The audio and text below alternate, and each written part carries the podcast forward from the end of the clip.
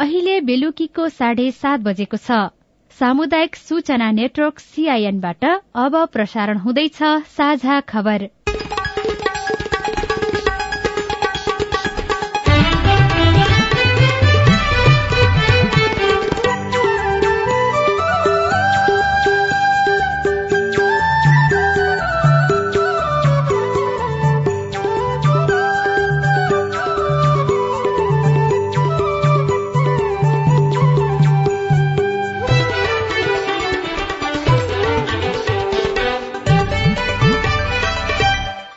सीआईएनको साझा खबरबाट सोभिता रिसालको नमस्कार। साझा खबर देशभरिका सामुदायिक रेडियो सीआईएन खबर डट कम र मोबाइल एप सीआईएनमा पनि सुन्न सकिन्छ।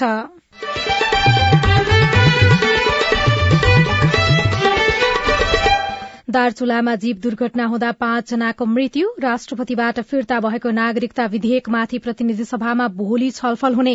भोलि नै पारित गर्ने तयारी फेरि पनि राष्ट्रपतिले फिर्ता गर्ने सम्भावना छ।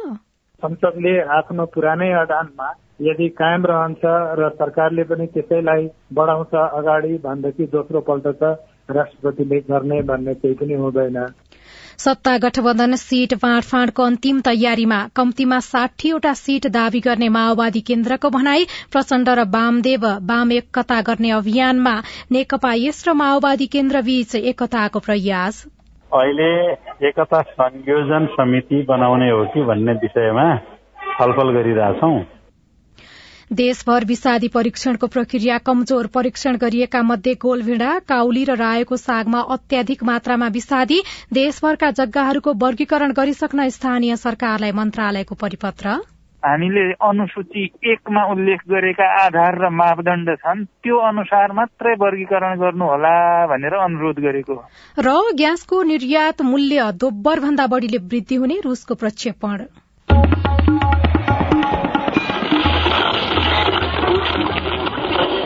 सयौं रेडियो। हजारौं रेडियो कर्मी र करोड़ौं नेपालीको माझमा यो हो सामुदायिक सूचना नेटवर्क सीआईएन सरकारको तथ्याङ्क अनुसार देशभरका बयानब्बे प्रतिशत जनसंख्यामा बिजुली सुविधा पुगेको छ। अझै पनि आठ प्रतिशत अर्थात झण्डै चौविस लाख नागरिक केन्द्रीय प्रसारण लाइनबाट वञ्चित छन्। त्यसमध्ये केहीले सोलर प्रयोग गरिरहेका छन् कतिपय अझै पनि टुकी बत्तीकै भरमा छन्। सरकार दैनिक लाखौंको बिजुली भारत निर्यात गरिरहेको बताउँछ तर देशभित्रै नागरिकले बिजुली बाल्नबाट वञ्चित हुनु परेको छ।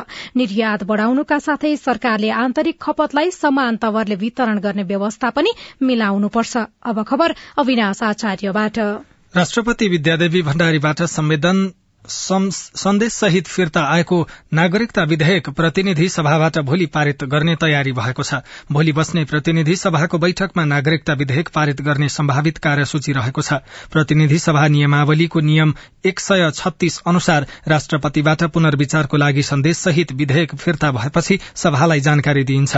यस्तो जानकारी संसद सचिवालयले प्रतिनिधि सभामा सोमबार नै पठाइसकेको छ। भोलि गृह मन्त्री बालकृष्ण खानले नागरिकता विधेयकमाथि सदनमै पुनर्विचार गरियोस् भन्ने प्रस्ताव राख्नुहुनेछ। अब यो विधेयकको प्रक्रिया के हुन सक्ला? हामीले संविधानविद डाक्टर विपिन अधिकारीसँग कुराकानी गरेका छौं। यस्तो राष्ट्रपतिले कुनै स्ट्यान्ड लिएको चाहिँ होइन। यस्तै हुनुपर्छ भनेर राष्ट्रपतिले भनेको पनि छैन। राष्ट्रपतिले के हो भने जब नागरिकता सम्बन्धी विधेयक यत्रो चाहिँ आमूल परिवर्तन गरिँदैछ भने यदि संसदले कुनै किसिमले निराकरण गर्न चाहन्छ भने त्यो अवसरको प्रयोग गर्नु पर्दछ भन्ने राष्ट्रपतिको चाहिँ दृष्टिकोण त्यो हो। अब यदि संसदले आफ्नो पुरानै अडानमा यदि कायम रहन्छ र सरकारले पनि त्यसैलाई बढाउँछ अगाडि भनेदेखि दोस्रो पल्ट त राष्ट्रपतिले गर्ने भन्ने केही पनि हुँदैन। द्रुत मार्गबाट दलहरूले किन यसलाई चाहिँ अगाडि बढाउने निर्णय गरे? विशेष गरी सत्ता गठबन्धनका दलहरूले।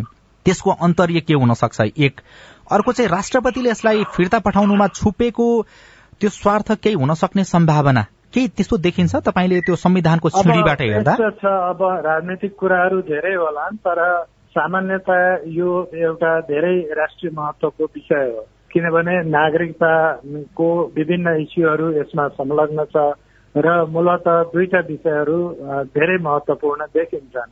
एउटा चाहिँ स्वघोषणा सम्बन्धी जुन व्यवस्था छ त्यसका बारेमा टिका टिप्पणी भएका छन्। दोस्रो चाहिँ यो वैवाहिक अङ्गीकृत नागरिकताको सम्बन्धमा यो समयावधि उल्लेख नगरेको भन्ने कुरालाई पनि चाहिँ धेरै मान्छेले टिप्पणी गरेको चाहिँ अवस्था छ।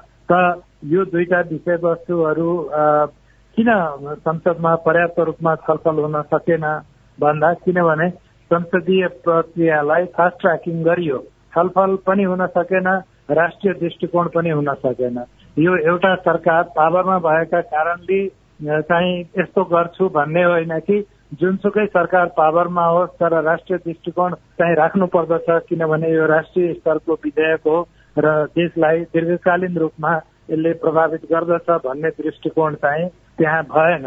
र नभएको कारणले गर्दाखेरि पनि राष्ट्रपतिले यी इस्युहरू ओभरलुक हुनु हुँदैन भन्ने दृष्टिकोण राखेको हुन सक्दछ अब राजनीतिमा निश्चित रूपमा हरेक काम कारवाहीको अर्थ हुन्छ अब अहिलेको निर्णय कार्यान्वयन होला नहोला कुन रूपमा होला तर त्यसको दुर्गामी प्रभाव चाहिँ हुन्छ। अब प्रक्रियागत हिसाबले अगाडि बढ्दाखेरि चाहिँ कसरी अगाडि बढ्ने हो त? संसदमा राष्ट्रपतिको जुन कन्सर्नहरू छ त्यो सँगसँगै यो समितिमा यी विषयहरूमा छलफल हुनु पर्यो यो फुल हाउसले गर्ने कुरो होइन यो त सम्बन्धित समितिमा जानु पर्यो सबै पार्टीका मान्छेहरू बस्नु पर्यो र पार्टीगत रूपमा होइन यो देशको कानून र व्यवस्थालाई कसरी दरिलो बनाउने भन्ने आधारमा छलफल गरेर अनि आएका संशोधनहरूलाई निकास दिनु पर्यो सत्ता गठबन्धनको सीट बाँडफाँड कार्यदलले सीट बाँडफाँडको मापदण्डबारे फेरि शीर्ष नेताहरूसँग छलफल गर्ने भएको छ।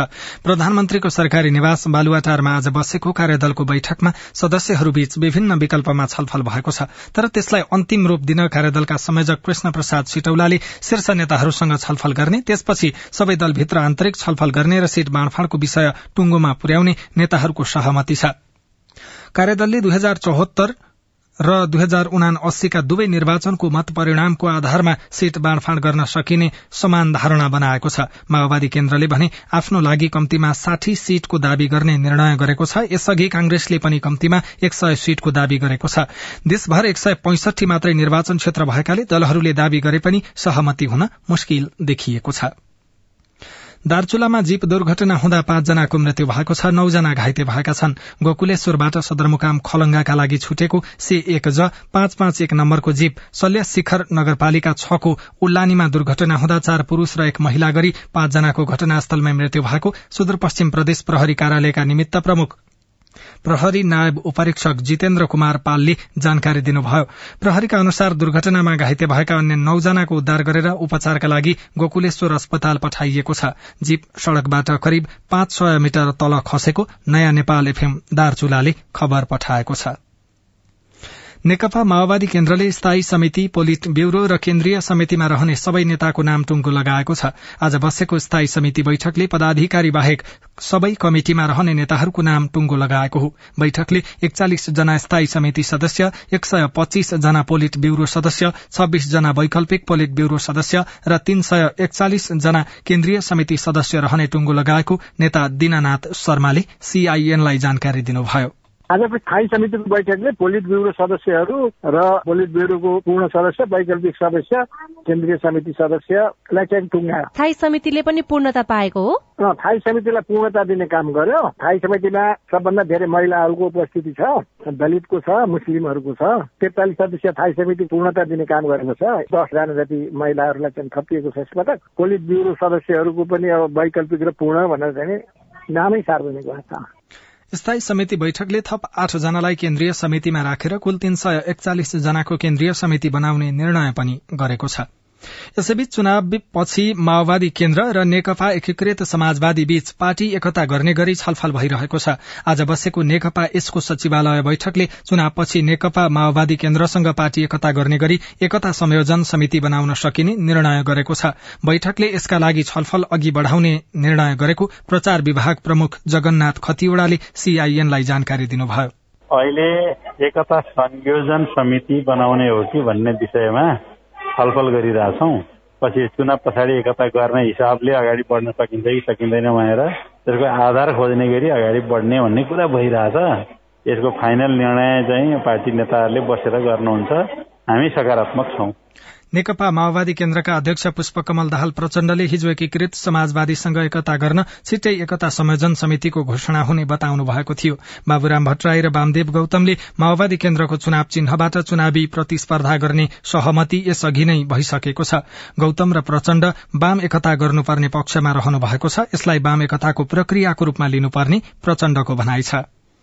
प्रतिनिधि सभाको महाअभियोग सिफारिश समितिको बैठकले आन्तरिक कार्यविधिको मस्यौदा तयार गरेको छ। निलम्बित प्रधान न्यायाधीश चोलेन्द्र शमशेर जबरा विरूद्ध प्रतिनिधि सभामा महाअभियोग दर्ता भएको छ महिनापछि आज बसेको समितिको पहिलो बैठकले आन्तरिक कार्यविधिको मस्यौदा तयार गरेको हो। चुनाव घोषणा भइसकेपछि प्रतिनिधि सभा तथा प्रदेश सभा संसदले नियमित काम गर्न नपाउने भन्दै माग गरेको रिट दर्ता गर्न सर्वोच्च अदालतले आदेश दिएको छ। यसअघि साउन उन्तिस गते अधिवक्ता मनिराम उपाध्यायले रिट दर्ताका लागि निवेदन दिँदा कायम मुकायम रजिस्ट्रार नारायण प्रसाद पन्थीले दरपीठ गरिदिनु भएको थियो। दरपीठ आदेश बदर गरी पाऊ भन्दै उपाध्यायले उत्प्रेषण सहितको रिट दिएपछि न्यायाधीश सुषमा लता माथेमाको एकल इजलासले रिट निवेदन दर्ता गर्न आदेश गरेको हो। दुई हजार उनासी साउन उन्नाइस गते निर्वाचन आयोगले आगामी मंगिर चार गतेका लागि निर्वाचनको मिति घोषणा गरिसकेको अवस्थामा प्रतिनिधि सभा र प्रदेश सभाले काम गर्न नपाउने भन्दै उपाध्यायले निवेदन दिनुभएको छ। भूमि व्यवस्था सहकारी तथा गरीबी निवारण मन्त्रालयले देशभरका जग्गाहरूको वर्गीकरण गरिसक्न स्थानीय सरकारलाई परिपत्र गरेको छ। परिपत्र अनुसार प्रत्येक स्थानीय तहले आफ्नो कार्यक्षेत्रभित्रका जग्गालाई मंगिर तेइस गते भित्र कम्तीमा कृषि क्षेत्र र गैर कृषि क्षेत्र छुट्याउनु पर्ने उल्लेख गरिएको छ। मन्त्रालयका प्रवक्ता डाक्टर जनकराज जोशीले सीआईएनसँग भन्नुभयो भू उपयोग नियमावलीको मर्म र भावना छ। त्यसैमा हामीले अनुसूची एकमा उल्लेख गरेका आधार र मापदण्ड छन्। त्यो अनुसार मात्रै वर्गीकरण गर्नुहोला भनेर अनुरोध गरेको जग्गाको वर्गीकरणको लागि कहिलेसम्म समय सीमा तोकिएको छ त? हामीले त्यो भू उपयोग नियमावली जारी भएको छ महिनाभित्र भनेका छौँ। जुन चाहिँ उनासी मङ्सिर तेइस गते पुग्छ छ महिना। त्यो भित्रको अवधिमा अब पूर्ण रूपमा भूपयोग वर्गीकरण गर्न यदि नसकिए पनि कृषि क्षेत्र र गैर कृषि क्षेत्र मात्रै भए पनि छुट्याउनु होला भन्ने एउटा अनुरोध गरेका छौँ। नीति कार्यान्वयनका लागि भू उपयोग नियमावली दुई हजार उनासी लागू भइसकेको सन्दर्भमा मन्त्रालयले सबै स्थानीय तहलाई परिपत्र गरेको हो। साझा खबरमा अब विदेशको खबर। रूसले सन् दुई हजार बाइसमा निर्यात हुने ग्यासको मूल्य दोब्बर भन्दा बढ़ीले वृद्धि हुने प्रक्षेपण गरेको छ। रूसका वैज्ञानिकहरूले सन् दुई हजार बाइसको अन्त्यसम्म निर्यात हुने ग्यासको मूल्य प्रति घनमिटर सात सय पचासदेखि एक हजारसम्म पुग्ने प्रक्षेपण गरेका हुन्। र एउटा खेल खबरमा नेपाली राष्ट्रिय फुटबल टोलीका कार्यवाहक मुख्य प्रशिक्षक प्रदीप हुमागाई नेपाल आइपुग्नु भएको छ। अमेरिका बस्दै आउनुभएका हुमागाईलाई अखिल नेपाल फुटबल संघ एन्फाले कार्यवाहक मुख्य प्रशिक्षक नियुक्त गरेपछि आज नेपाल आइपुग्नु भएको हो। बंगलादेश विरूद्धको एक मैत्रीपूर्ण खेलका लागि एन्फाले उहाँलाई कार्यवाहक मुख्य प्रशिक्षक नियुक्त गरेको हो।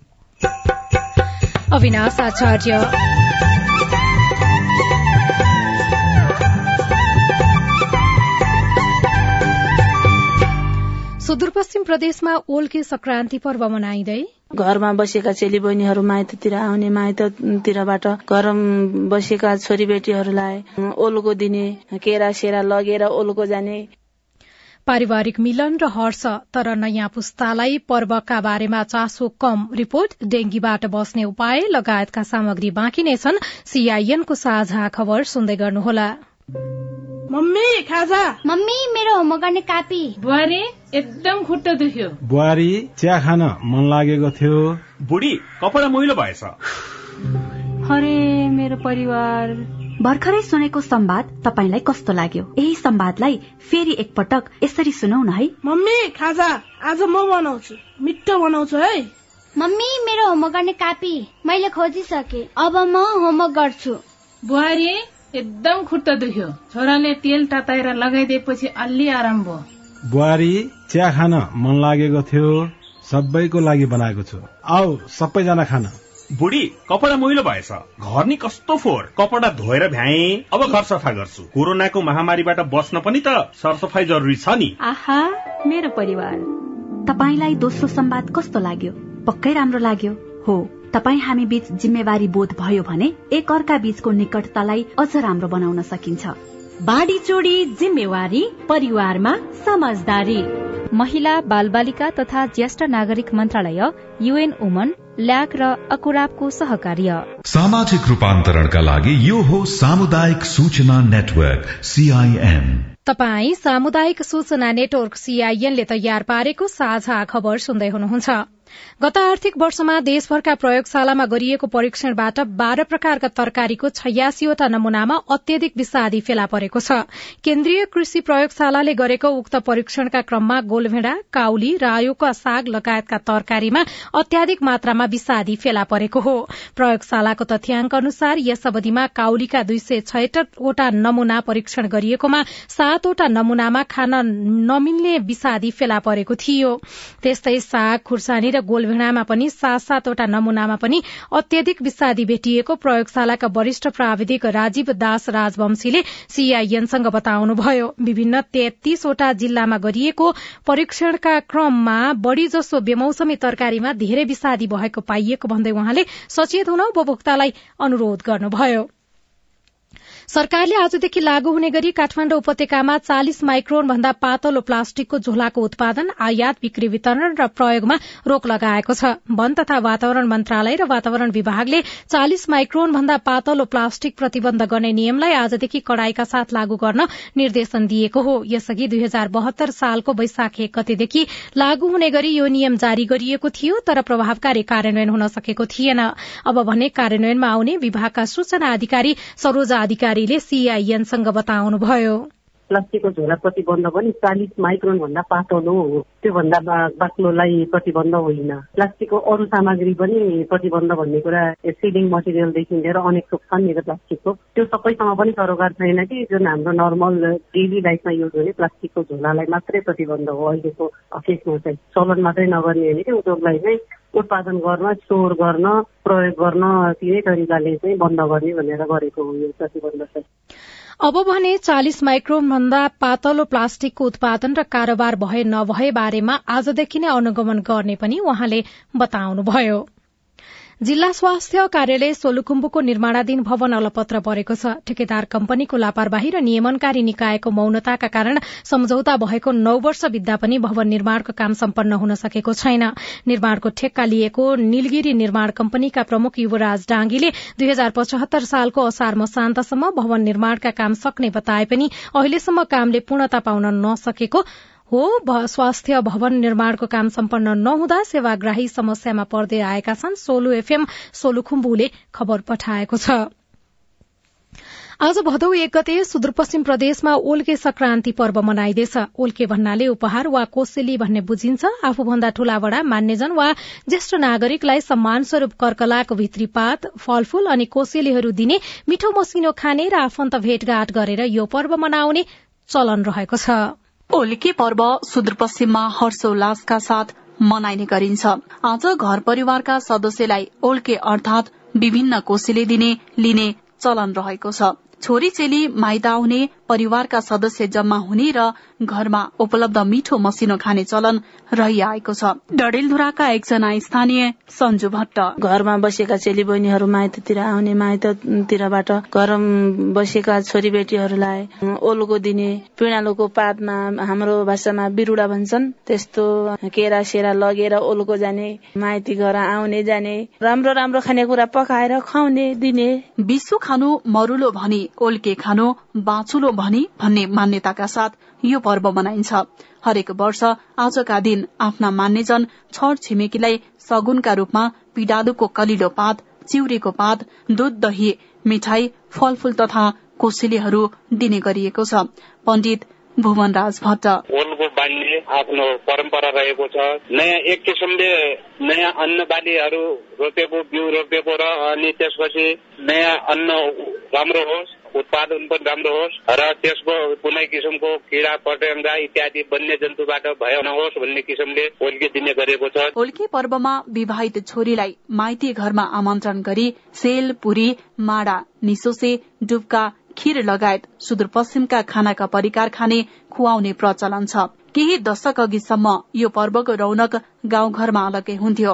तर हिजो आज पर्व मनाउने र यसलाई महत्व दिनेहरू भने घट्दै गएको सुदूरपश्चिम प्रदेशको संस्कृतिका जानकार कैलाश कुमार पाण्डे भन्नुहुन्छ। हाम्रो सभ्यताको परिचय पनि दिन्छ। यी हाम्रा समाजका अमूल्य निधि हुन्। अहिलेको पुस्ताले पनि संस्कृतिलाई भुल्नु हुँदैन सभ्यतालाई भुल्नु हुँदैन। होल्के पर्वको अवसरमा सुदूरपश्चिम प्रदेश सरकारले आज सार्वजनिक विदा समेत दिएको छ। होल्के पर्वलाई गर्मीयामको प्रकोप र महामारीबाट बचेर नवजीवनको प्राप्ति भएको खुशियालीमा पनि मनाउने गरिएको जनविश्वास छ। Bhawana Paudel CIN radio Amargadhi Dadeldhura. साझा खबरमा अब हेलो सीआईएन स्नेहा कर्णबाट। मेरो नाम काशी प्रसाद रेग्मी शिवालय गाउँपालिका सीमा वडा नम्बर तीन। यस शिवालय गाउँपालिकामा जहिले पनि जस्तो सरकार आए पनि यहाँको सरकारले दिन दुखी गरिबहरूमाथि हेर्दैन र हुने खाने पुँजीपति वर्गहरूको व्यक्तिहरूलाई मात्रै हेर्ने गर्छ किन होला? तपाईँको गुनासो सुनिसकेपछि शिवालय गाउँपालिकाका अध्यक्ष शेर बहादुर शाही भन्नुहुन्छ। उहाँलाई के भनिदिनु पर्यो भने हाम्रो नयाँ सरकारले बनेको बजेट साउनदेखि शुरू हुन्छ होइन? अनि म नयाँ प्रतिनिधि हो यो आर्थिक वर्ष साउनबाट हाम्रो शुरू हुन्छ बजेट होइन? हाम्रो कार्य प्रमुख चाहिँ हुनुहुन्थेन हिजोबाट तरनिक हो अब हाम्रो बजेट शुरू हुन्छ। अनि हामी सबै कुरा छानबिन गरेर अनि उहाँको के समस्या बुझेर गर्छौँ। म मनोज कुमार कार्की आठसाई गाउँपालिका चार युवा तेह्रथुमबाट बोलिरहेछु श्री प्रणामी माविको सार्वजनिक जग्गा अतिक्रमण गरी बनाइएको घरमा जाँड रक्सीको व्यवसाय गरी विद्यालयको शौचालय समेत अतिक्रमण गरिँदा समेत विद्यालयलाई पटक पटक जानकारी गरिँदा समेत कुनै ठोस पहल नगरिँदा के सार्वजनिक जग्गा अतिक्रमण गर्न मिल्छ कि मिल्दैन? यस विषयमा हामीले आठराई गाउँपालिकाका उपाध्यक्ष बलिराज इङनामलाई सोधेका छौं। त्यो सार्वजनिक जग्गा त अतिक्रमण त पाउँदैन नै होइन? मदिरा त त्यसरी हुन त्यो सक्दैन होइन? के हो बुझ्नुपर्छ होइन? साथै मनोजी तपाईँले यस्ता विषयमा गाउँपालिका वा वडा कार्यालयमा गुनासो सहितको निवेदन पनि दिन सक्नुहुन्छ। अनि कास्कीको माछापुष्टे गाउँपालिकाका आनन्द प्रसाद अधिकारीले आगामी चुनाव र उम्मेद्वारको बारेमा विचार राख्दै भन्नुहुन्छ निर्वाचनको लागि विभिन्न चौरासी दल दर्ता भयो भन्ने सुनियो। निर्वाचन आयोगले उम्मेद्वारको योग्यता क्षमता पढ़ाई लेखाई राजनीतिक अनुभव बारेमा निश्चित मापदण्ड तोकिदिएको खण्डमा राजनीति सुध्रदै जान्थ्यो होला। उम्मेद्वार बन्नको लागि पार्टीको छनौट मात्रै नभई परीक्षा नै दिनुपर्ने व्यवस्था गर्नुपर्ने देखिएको छ। तपाई जुनसुकै बेला हाम्रो टेलिफोन नम्बर शून्य एक बान्न साठी छ चार छमा फोन गरेर आफ्नो विचार गुनासो प्रश्न तथा प्रतिक्रिया रेकर्ड गर्न सक्नुहुनेछ। तपाई सामुदायिक सूचना नेटवर्क सीआईएनले काठमाण्डुमा तयार पारेको साझा खबर सुन्दै हुनुहुन्छ। यो मौसममा डेंगीको डर कति? लामखुट्टेको वासस्थान भएको स्थानहरूमा चाहिँ खोज र नष्ट गर भन्ने यो कार्यक्रमहरू अगाडि बढाउने। त्यो लामखुट्टेहरूलाई नियन्त्रण गरेर डेंगूको नियन्त्रण गर्ने योजनामा रहेका छौं। लामखुट्टेको टोकाईबाट जोगिन घरो र पर सफा राख्न सरकारको आग्रह रिपोर्ट। पालिकाले शुरू गरेको ज्येष्ठ नागरिकको लागि स्वास्थ्य परीक्षण कार्यक्रम प्रभावकारी लगायतका सामग्री बाँकी नै छ। सीआईएनको साझा खबर सुन्दै गर्नुहोला। बालबालिकालाई लगाउँदै गरेको खोपमा चाहिँ बालबालिकाहरू कहाँ गएर लगाउनु पर्ने र खोप लगाउन जाँदा के के लिएर जानु पर्ने त्यसबारे बताइदिनुहोस् न। मेरो जिज्ञासा के छ भनेपछि हामी विद्यार्थीहरू एकदमै जोखिममा छौँ तर पनि हामीहरूलाई समयमा खोप उपलब्ध हुन सकेको छैन। कोभिड बारे तपाईँको चासो अब हाम्रो पालोमा। कोभिडसँग जोडिएका थुप्रै बालबालिका तथा युवाहरूका प्रश्न र सरकारवालाको जवाब सहित हरेक आइतबार साँझको साझा खबरमा प्रस्तुत भइरहेको छ हाम्रो पालो। कोभिड पछि घरको बसाई बाल तथा युवा मस्तिष्कमा पर्ने प्रभाव यसले मनोविज्ञानमा पारेको असर कोभिडमा मानव सुरक्षा र कोभिड विरूद्धको खोप लगायत तपाईँलाई लागेको विषयमा हाम्रो आइभीआर नम्बर शून्य एक बान्न साठी छ चार छमा प्रश्न गुनासो तथा प्रतिक्रिया रेकर्ड गराउनुहोला। सरोकारवाला निकायको जवाब सहितको हाम्रो पालो देशभरिका सामुदायिक रेडियोमा प्रसारण भइरहेको छ। सामाजिक रूपान्तरणका लागि यो हो सामुदायिक सूचना नेटवर्क सीआईएन तपाई सामुदायिक सूचना नेटवर्क सीआईएनले तयार पारेको साझा खबर सुन्दै हुनुहुन्छ। नेपालमा विशेष गरी गर्मी र वर्षायाममा डेंगीको संक्रमण बढ़ने गरेको छ। हाल काठमाडौँ उपत्यका सहित साठी जिल्लामा डेंगीका बिरामी भेटिएका छन्। पछिल्लो आठ महिनामा एक हजार एक सय छब्बीस जनामा डेंगी पुष्टि भएको छ जसमा गत दुई महिनामा मात्रै एक हजार छप्पन्न जनामा संक्रमण देखिएको इपिडिमियोलोजी तथा रोग नियन्त्रण महाशाखाले जनाएको छ। डेंगीको संक्रमणबाट कसरी जोगिने? एक्कासी टाउको दुख्ने जोर्ने दुख्ने अत्याधिक ज्वरो आउने र आलस्य हुने जस्ता लक्षण देखिएपछि उपचारका लागि धुलीखेल अस्पताल पुग्नुभएका बनेपाका दीपक सिगदेललाई डेंगीको संक्रमण पुष्टि भयो। सात दिनको लगातार उपचारपछि निको हुनुभएको उहाँ बताउनुहुन्छ। सुरुमा एकदम जिउ गल्ने अनि छाती दुख्ने त्यस्तो भएको थियो खोकी पनि हल्का लागिरहेको थियो। अनि पछि चाहिँ मलाई ज्वरो पनि आयो। त्यहाँबाट मलाई दबाई दिनुभएको थियो प्यारासिटामोल अनि त्यसमा एन्टिबायोटिक पनि थियो। तातो पानीहरू खाएँ बाफहरू लिएँ। दिउँसो म घरमा बस्दाखेरि पनि झुल लगाएर बसेँ। खानपानमा स्वास्थ्यमा ख्याल गरेँ। गत आर्थिक वर्ष दुई सय तेह्र जनामा डेंगी संक्रमण पुष्टि भएको चितवनमा गत साउनमा मात्रै बाह्र जनामा संक्रमण पुष्टि भयो। हाल सबैभन्दा धेरै ललितपुर र रूपन्देहीमा डेंगीको संक्रमण देखिएको छ भने काठमाण्डु पनि उच्च जोखिममा रहेको छ। डेंगी संक्रमण देखा परेका पालिकाहरूले संक्रमण नियन्त्रणका लागि लामखुट्टे नष्ट गर्ने कार्य गरिरहेका छन् तर काठमाण्डुमा भने संक्रमण नियन्त्रणको काम शुरू भएको छैन। जिल्ला स्वास्थ्य कार्यालय काठमाण्डुका प्रमुख वसन्त अधिकारी। लामखुट्टेको वासस्थान भएको स्थानहरूमा चाहिँ खोज र नष्ट गर भन्ने यो कार्यक्रमहरू अगाडि बढाउने। त्यो लामखुट्टेहरूलाई नियन्त्रण गरेर डेङ्गुको नियन्त्रण गर्ने योजनामा रहेका छौँ। हामी यसमा अहिले योजनाकै क्रममा छौँ। अहिले कामहरू चाहिँ अगाडि बढेको छैन इपिडिमियोलोजी तथा रोग नियन्त्रण महाशाखाका अनुसार गत आठ महिनामा एक हजार एक सय छब्बीस जनामा डेंगी संक्रमण पुष्टि भएको छ जसमा गत दुई महिनामा मात्रै एक हजार छप्पन्न जनामा संक्रमण पुष्टि भएको हो। तर डेंगीका कारण यो अवधिमा मृत्यु भने कसैको पनि नभएको इपिडिमियोलोजी तथा रोग नियन्त्रण महाशाखाका प्रमुख डाक्टर चुमनलाल दासको भनाइ छ। जुलाईमा चार सय उनासय अगस्तमा चार सय सन्तावन र मृत्यु भएको छैन अहिलेसम्म। स्वास्थ्य तथा जनसंख्या मन्त्रालयले डेंगी नियन्त्रणका लागि सचेतनामूलक अभियान चलाइरहेको छ। स्थानीय सरकारसँगको समन्वयमा समूह समूहमा लामखुट्टेका लार्भा खोज र नष्ट गर अभियान क्लोरिनको झोल स्प्रे गर्ने काम भइरहेको मन्त्रालयका सचिव डाक्टर रोशन पोखरेल बताउनुहुन्छ। हामीले स्वास्थ्य तथा हाम्रो सूचना केन्द्रबाट जनचेतनात्मक समाचारहरू सात सय त्रिपन्नवटा गाउँपालिकाबाट दिइरहेकै छौँ अहिले। स्थानीय तहबाट पनि दिइरहेका छौँ। केन्द्रबाट पनि हामीले आफ्नो हिसाबले गरिरहेका छौँ। तर यो चेतना चाहिँ सबैमा आफैमा पनि आउनुपर्ने हो किनभने सिजनमा फोहोरको व्यवस्थापन र पानीलाई जम्न नदिने व्यवस्था गर्न सक्यौँ भने डेङ्गुबाट बच्न सकिन्छ र साथसाथै डेङ्गु भएका क्षेत्रहरू जुन छन् त्यसमा चाहिँ राति सुत्दाखेरि झुल्लाउने गर्नु पर्यो र परीक्षणमा छिटो गइदियो भने सजिलो हुन्छ भन्ने लामखुट्टेको वासस्थानहरू नष्ट गर्ने तथा लामखुट्टेको टोकाईबाट बच्नु नै डेंगीबाट बच्ने उपाय हो। यसका लागि मानिसको बसोबास क्षेत्रमा अनावश्यक रूपमा पानी जम्न नदिने वा जमेको पानीलाई ढाकेर राख्ने तथा सकेसम्म शरीरका धेरै भाग ढाक्ने कपड़ा लगाउन विज्ञहरू सुझाव दिन्छन्। नवलपुरको मध्यविन्दु नगरपालिकाले ज्येष्ठ नागरिकको लागि स्वास्थ्य परीक्षण कार्यक्रम शुरूआत गरेको छ।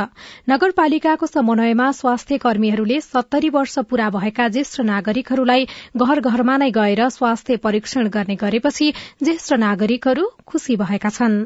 मध्यविन्दु नगरपालिका वडा नम्बर दसका रामप्रसाद भट्टराई अठहत्तर वर्षको हुनुभयो। उहाँले मधुमेह र उच्च रक्तचापको औषधि नियमित रूपमा सेवन गर्नुहुन्छ। रक्तचाप र मधुमेह दुवैको जाँच गरिरहनुपर्छ। तर उमेरका कारण हिँडेर स्वास्थ्य चौकीसम्म जान सहज छैन। स्वास्थ्य कर्मी घर घरमा नै आउने भएपछि उहाँ खुसी हुनु भएको छ हामी वृद्ध छोराहरूले कहिले भ्याएनौँ के होइन अब लाने मान्छे नभएछ त्यति बस्नु पर्यो भनेपछि यो त घर घर आइदिएर औषधि उपचार गरेको त सबै सबभन्दा राम्रो लाग्यो। प्रेसर पनि छ उहाँहरू घर घर आएर औषधि खाइदिएको। मलाई एकदम राम्रो लाग्यो। मध्यविन्दु नगरपालिकाले अशक्त र ज्येष्ठ नागरिकको सहजताको लागि यो कार्यक्रम सञ्चालन गरेको हो। स्वास्थ्य जाँचका लागि स्वास्थ्य कर्मी घरमै आउने भएपछि ज्येष्ठ नागरिकहरू खुशी भएका छन्। यसका कारण घण्टौं लगाएर स्वास्थ्य संस्था जानुपर्ने झन्झट हट्ने तथा समय र पैसाको समेत बचत हुने विश्वास ज्येष्ठ नागरिकको छ। चौहत्तर वर्षीय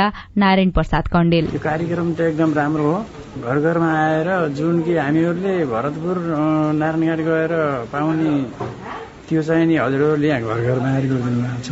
प्रत्येक महिना आएर यसरी नै गरिदिनु भयो भने हामीहरू कोही काठमाडौँ कोही नारायणघाट कोही बुटोल गएर गरिराखेका छौँ। त्यो चाहिँ नि यही नै भयो भने हामीहरूलाई ठिकै पनि हो। चालु आर्थिक वर्षको नीति तथा कार्यक्रम अनुसार प्रत्येक महिना घर घरमा निशुल्क स्वास्थ्य परीक्षण गर्ने कार्यक्रम अनुसार नगरको पन्ध्रवटै ओडामा एकसाथ कार्यक्रमको शुरूआत गरिएको छ। यसको लागि सात लाख पचास हजार बजेट विनियोजन गरिएको छ। नगरपालिकामा सामाजिक सुरक्षा भत्ता लिने सत्तरी वर्ष पूरा भएका दुई हजार नौ सय एकचालिस जना ज्येष्ठ नागरिक रहेका छन्। यसबाट ज्येष्ठ नागरिकहरू लाभान्वित हुने मध्यविन्दु नगरपालिकाका नगर प्रमुख भीमलाल अधिकारीको भनाइ छ। ज्येष्ठ नागरिकहरूको घर घरमा आएर हाम्रा ज्येष्ठ नागरिकले दिने सेवाहरू सुगरका बिरामीहरूलाई हामी सुगर टेस्ट गर्छौं ब्लड प्रेसरको विषयमा ब्लड प्रेसरको टेस्टहरू गर्छौं अक्सिजनको मात्रा टेस्ट गर्छौं। रेस्पिरेसन श्वास विषयमा हामी टेस्ट गर्छौं। ज्येष्ठ नागरिकको स्वास्थ्य जाँचको लागि नगरपालिकाबाट कम्तीमा दुईजना कर्मचारी सहित बत्तीस जना स्वास्थ्य कर्मी खटिनेछन्। उनीहरूले नियमित स्वास्थ्य परीक्षण औषधि वितरणसँगै परामर्श दिनेछन्। Pabitra Parajuli CIN Bijay FM Nawalpur. दार्चुलामा जीव दुर्घटना हुँदा पाँचजनाको मृत्यु भएको छ। राष्ट्रपतिबाट फिर्ता भएको नागरिकता विधेयकमाथि प्रतिनिधि सभामा भोलि छलफल हुने भएको छ। भोलि नै पारित गर्ने तयारी छ। सत्ता गठबन्धन सीट बाँडफाँडको अन्तिम तयारीमा रहेको छ। कम्तीमा साठी सीट दावी गर्ने माओवादी केन्द्रको भनाइरहेको छ। प्रचण्ड र वामदेव वाम एकता गर्ने अभियानमा रहेका छन् र ग्यासको निर्यात मूल्य दोब्बर भन्दा बढ़ीले वृद्धि हुने रूसले प्रक्षेपण गरेको छ। सकियो प्राविधिक साथी सुरेन्द्र सिंहलाई धन्यवाद। भोलि भदौ दुई गते बिहान छ बजेको साझा खबरमा फेरि भेटौँला। अहिलेलाई सोभितारी साल पनि विदा हुन्छु। नमस्कार शुभरात्री।